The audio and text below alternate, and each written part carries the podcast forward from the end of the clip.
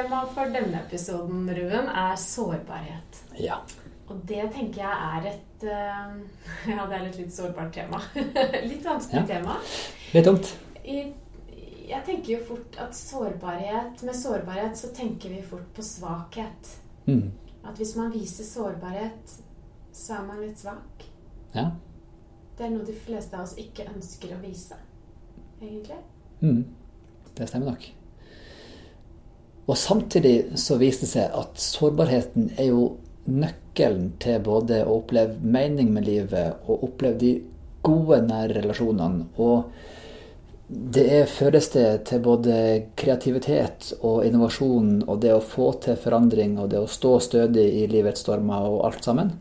Derfor er det utrolig dumt at vi ikke snakker mer om akkurat det. Ja, det er litt overraskende. For jeg tenker fort når du sier at man er sårbar, så er man litt svak. Ja, og det er nok det mange føler. Og så er måte, det ironiske at hvis du ser noen på, på TV som står frem med sin historie, og som måtte brette ut og er sårbar, så tenker man åh, det var modig. Det var tøft gjort. Du er bra. Hvis man eh, ser på Norske Talenter, eller ser disse som på en måte er usikre, og som er nervøse, og som ikke vet om de kan, og så leverer de altså så fantastisk. Og så tenker man åh, så tøft gjort. Hvorfor i all verden skal vi tenke at det er svakhet, hvis jeg gjør det samme? Ja, Det er jo kanskje fordi hvis man viser sårbarhet, og så går det ikke bra, da. Kanskje man stiller opp, og så, og så ble det ikke fantastisk. man, man har jo man, man stiller seg jo litt til hogg, tenker jeg. Litt sånn Det er jo en, ligger en usikkerhet i det å vise en sårbarhet. Man vet Mm. jo ikke hvordan responsen vil bli. Nei. Det er akkurat det. Og derfor så føles det så mye tryggere å heller være skuddsikker. Og heller være Supermann eller superdame. Og heller være sikker på ting. For det er nok, det er nok bedre å være sikker eh, og på en måte ha safa litt enn å skulle vise frem for mye. For det kan jo gå galt. Man kan jo bli såra. Det er mm, veldig lett å tenke sånn. Og det føles veldig logisk å tenke sånn. Og så er det kanskje ikke så smart som man skulle tro likevel. Jeg tror det handler mye om et par begrep som jeg vil prøve å, å, å tenke litt mer rundt. Eh, Disse to ordene som heter skyld og skam. Nå har vi jo en TV-serie i Norge som er veldig populær, som heter Skam. Jeg tror dette med skam er veldig i tida. Det er noe som vi føler på, men som vi ikke snakker noe om.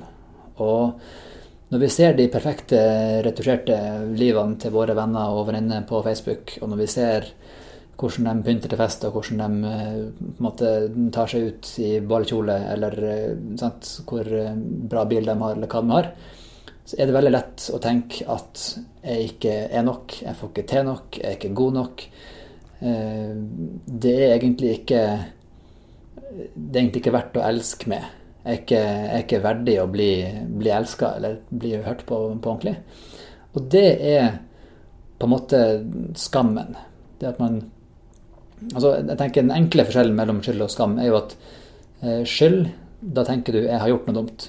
Skam, da tenker du 'jeg er dum'. Da er det på en måte noe personlig galt med meg. Skyld handler om noe som du har gjort, som du kan fikse opp i. Og jeg tror den derre skammen, den derre frykten for å, å vise frem de tingene i eget liv som ikke er perfekt, vise frem de, de sårbare tingene, de, de tingene som ikke er bra. Altså å, tørre å stå frem med de, de egenskapene som har som faktisk ikke er noe bra. Um, Kan det også handle litt om følelsen av at oi, da kan jeg bli avslørt, på en måte?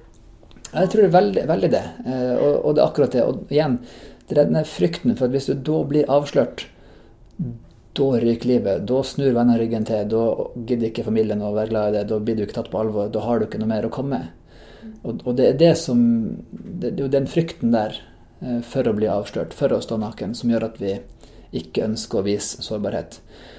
Og dessverre så viste det seg jo da at sårbarhet er helt nødvendig nettopp at sårbarheten er det som gjør at vi kan oppleve eh, intime og gode relasjoner. Det som gjør at vi kan få påfyll av både eh, måte, sjel og sinn når vi har de gode vennskapene. Det som gjør at vi virkelig føler oss sett og tatt på alvor når vi har vært sårbare og så ser du at ja, men det gikk jo helt greit. Um, det er ei dame som heter Brené Brown. og hvis du hører på denne podkasten så skal du ta og google henne etterpå, og så skal du høre hennes to eh, TED Talks. Hun har forska på det her med skyld og skam og sårbarhet. Og funnet frem til en del ting som ingen hadde regna med på forhånd. Kanskje minst av alt hun sjøl.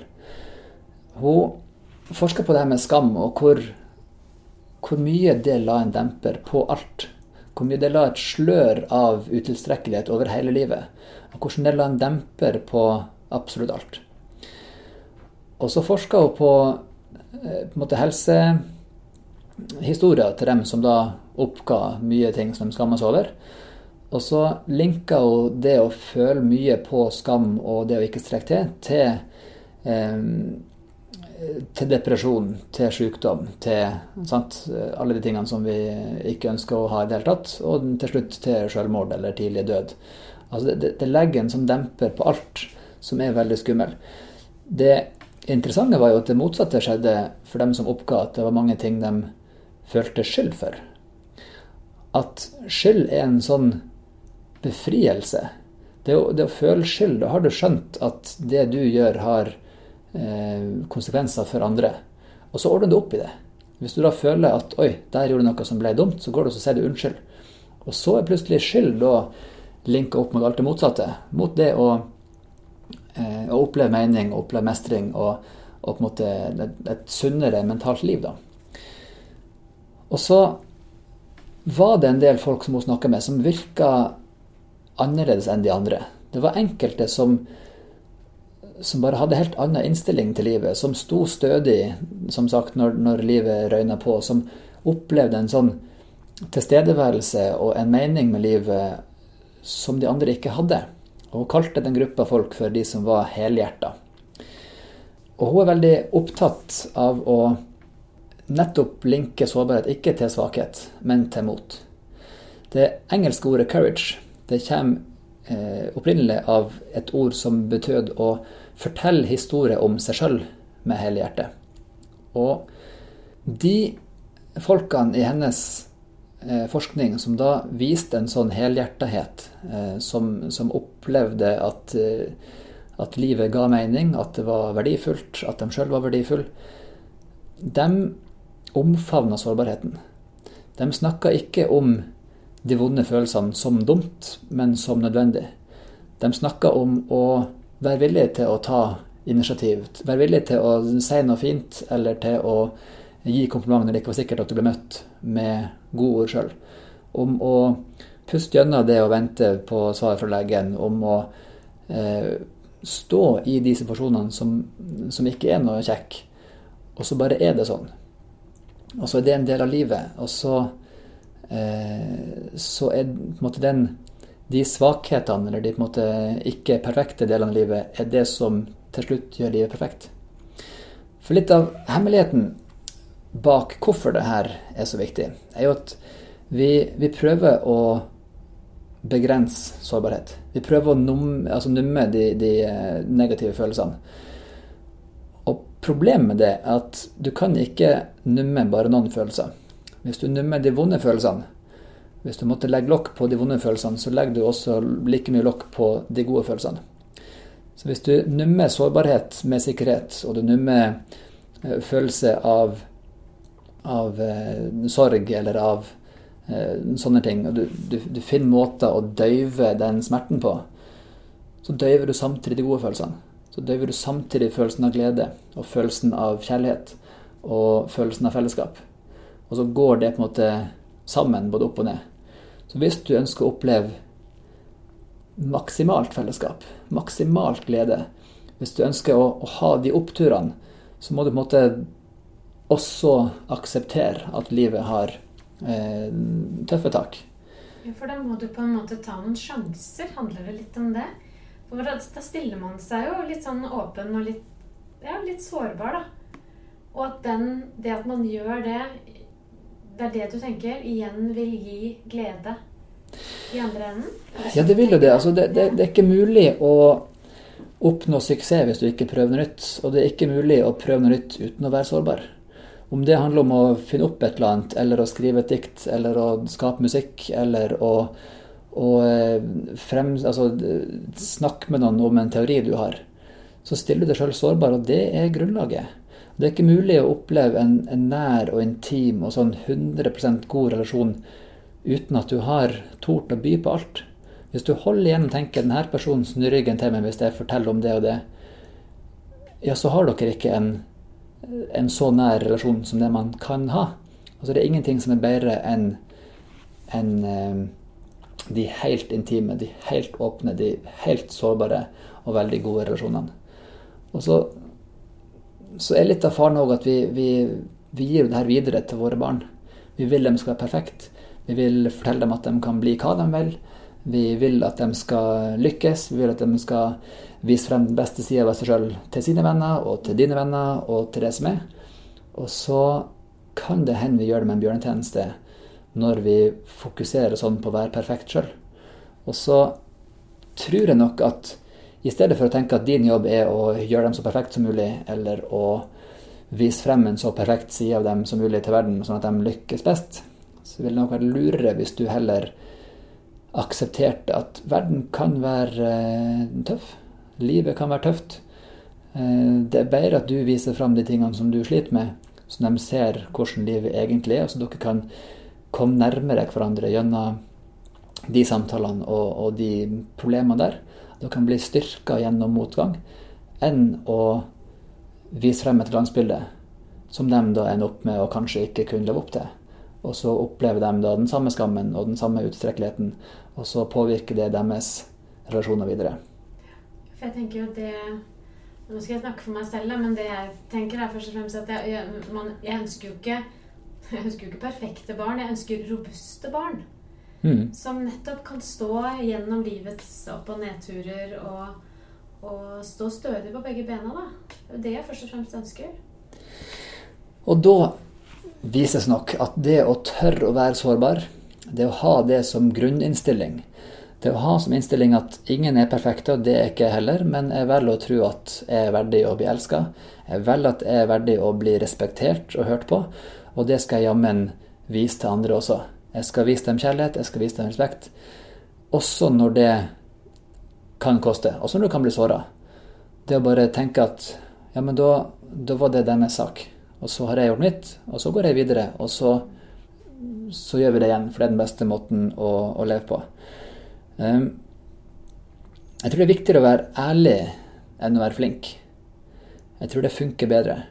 Jeg tror det er viktigere å være, være åpen og være et godt forbilde enn å alltid lykkes.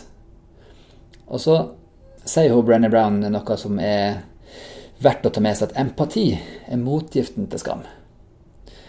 At empati, det å, det å virkelig tørre å se folk inn i øynene, det å virkelig føle deres følelser på kroppen, og det virkelig ta seg tid til å forstå hvordan folk har det, det er motgifta til skam.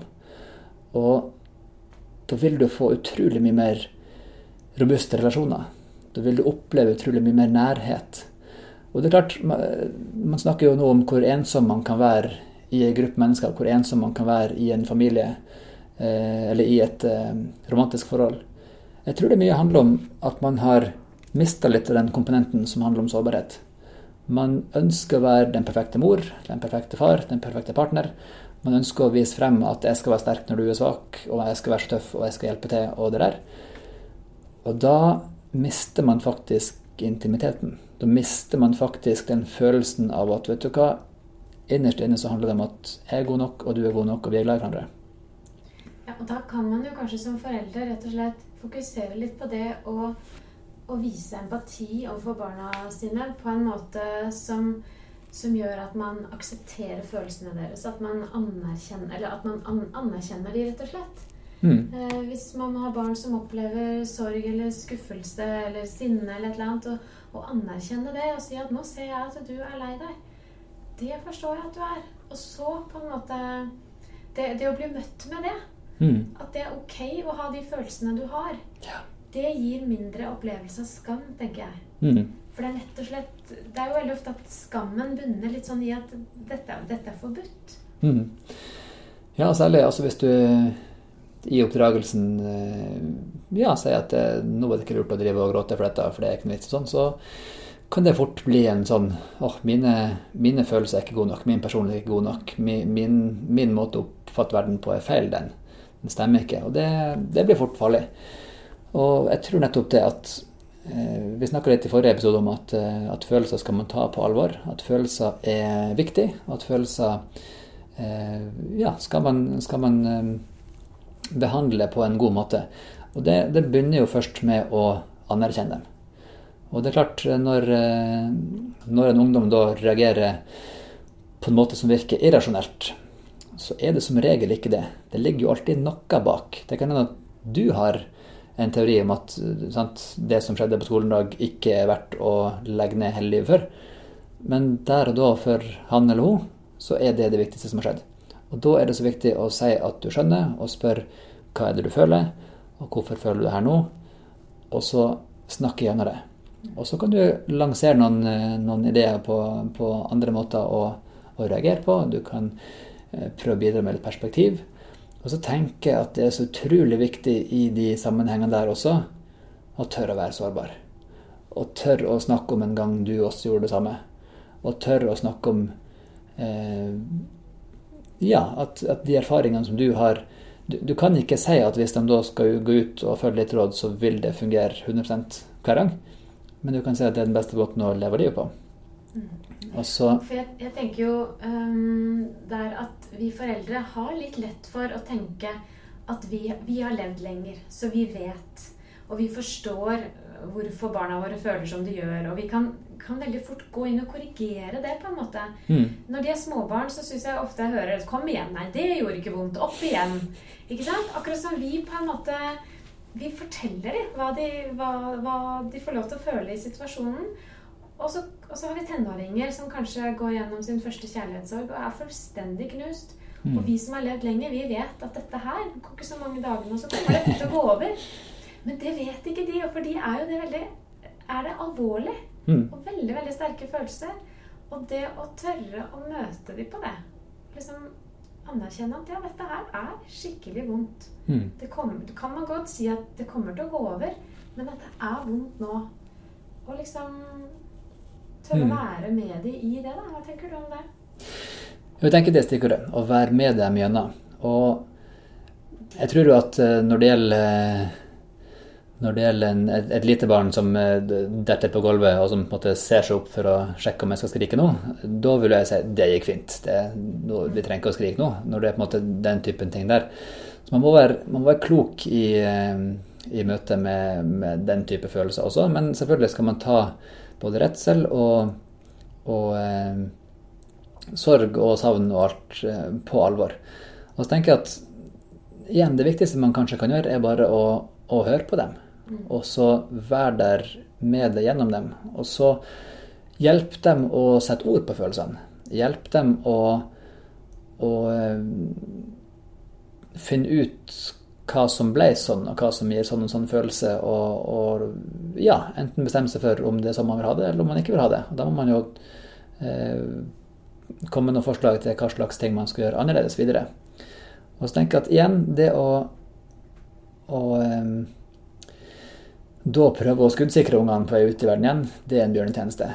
Jeg tenker at man må få, må få frem at det er sårbarheten som er, som er det mest verdifulle måten det er på.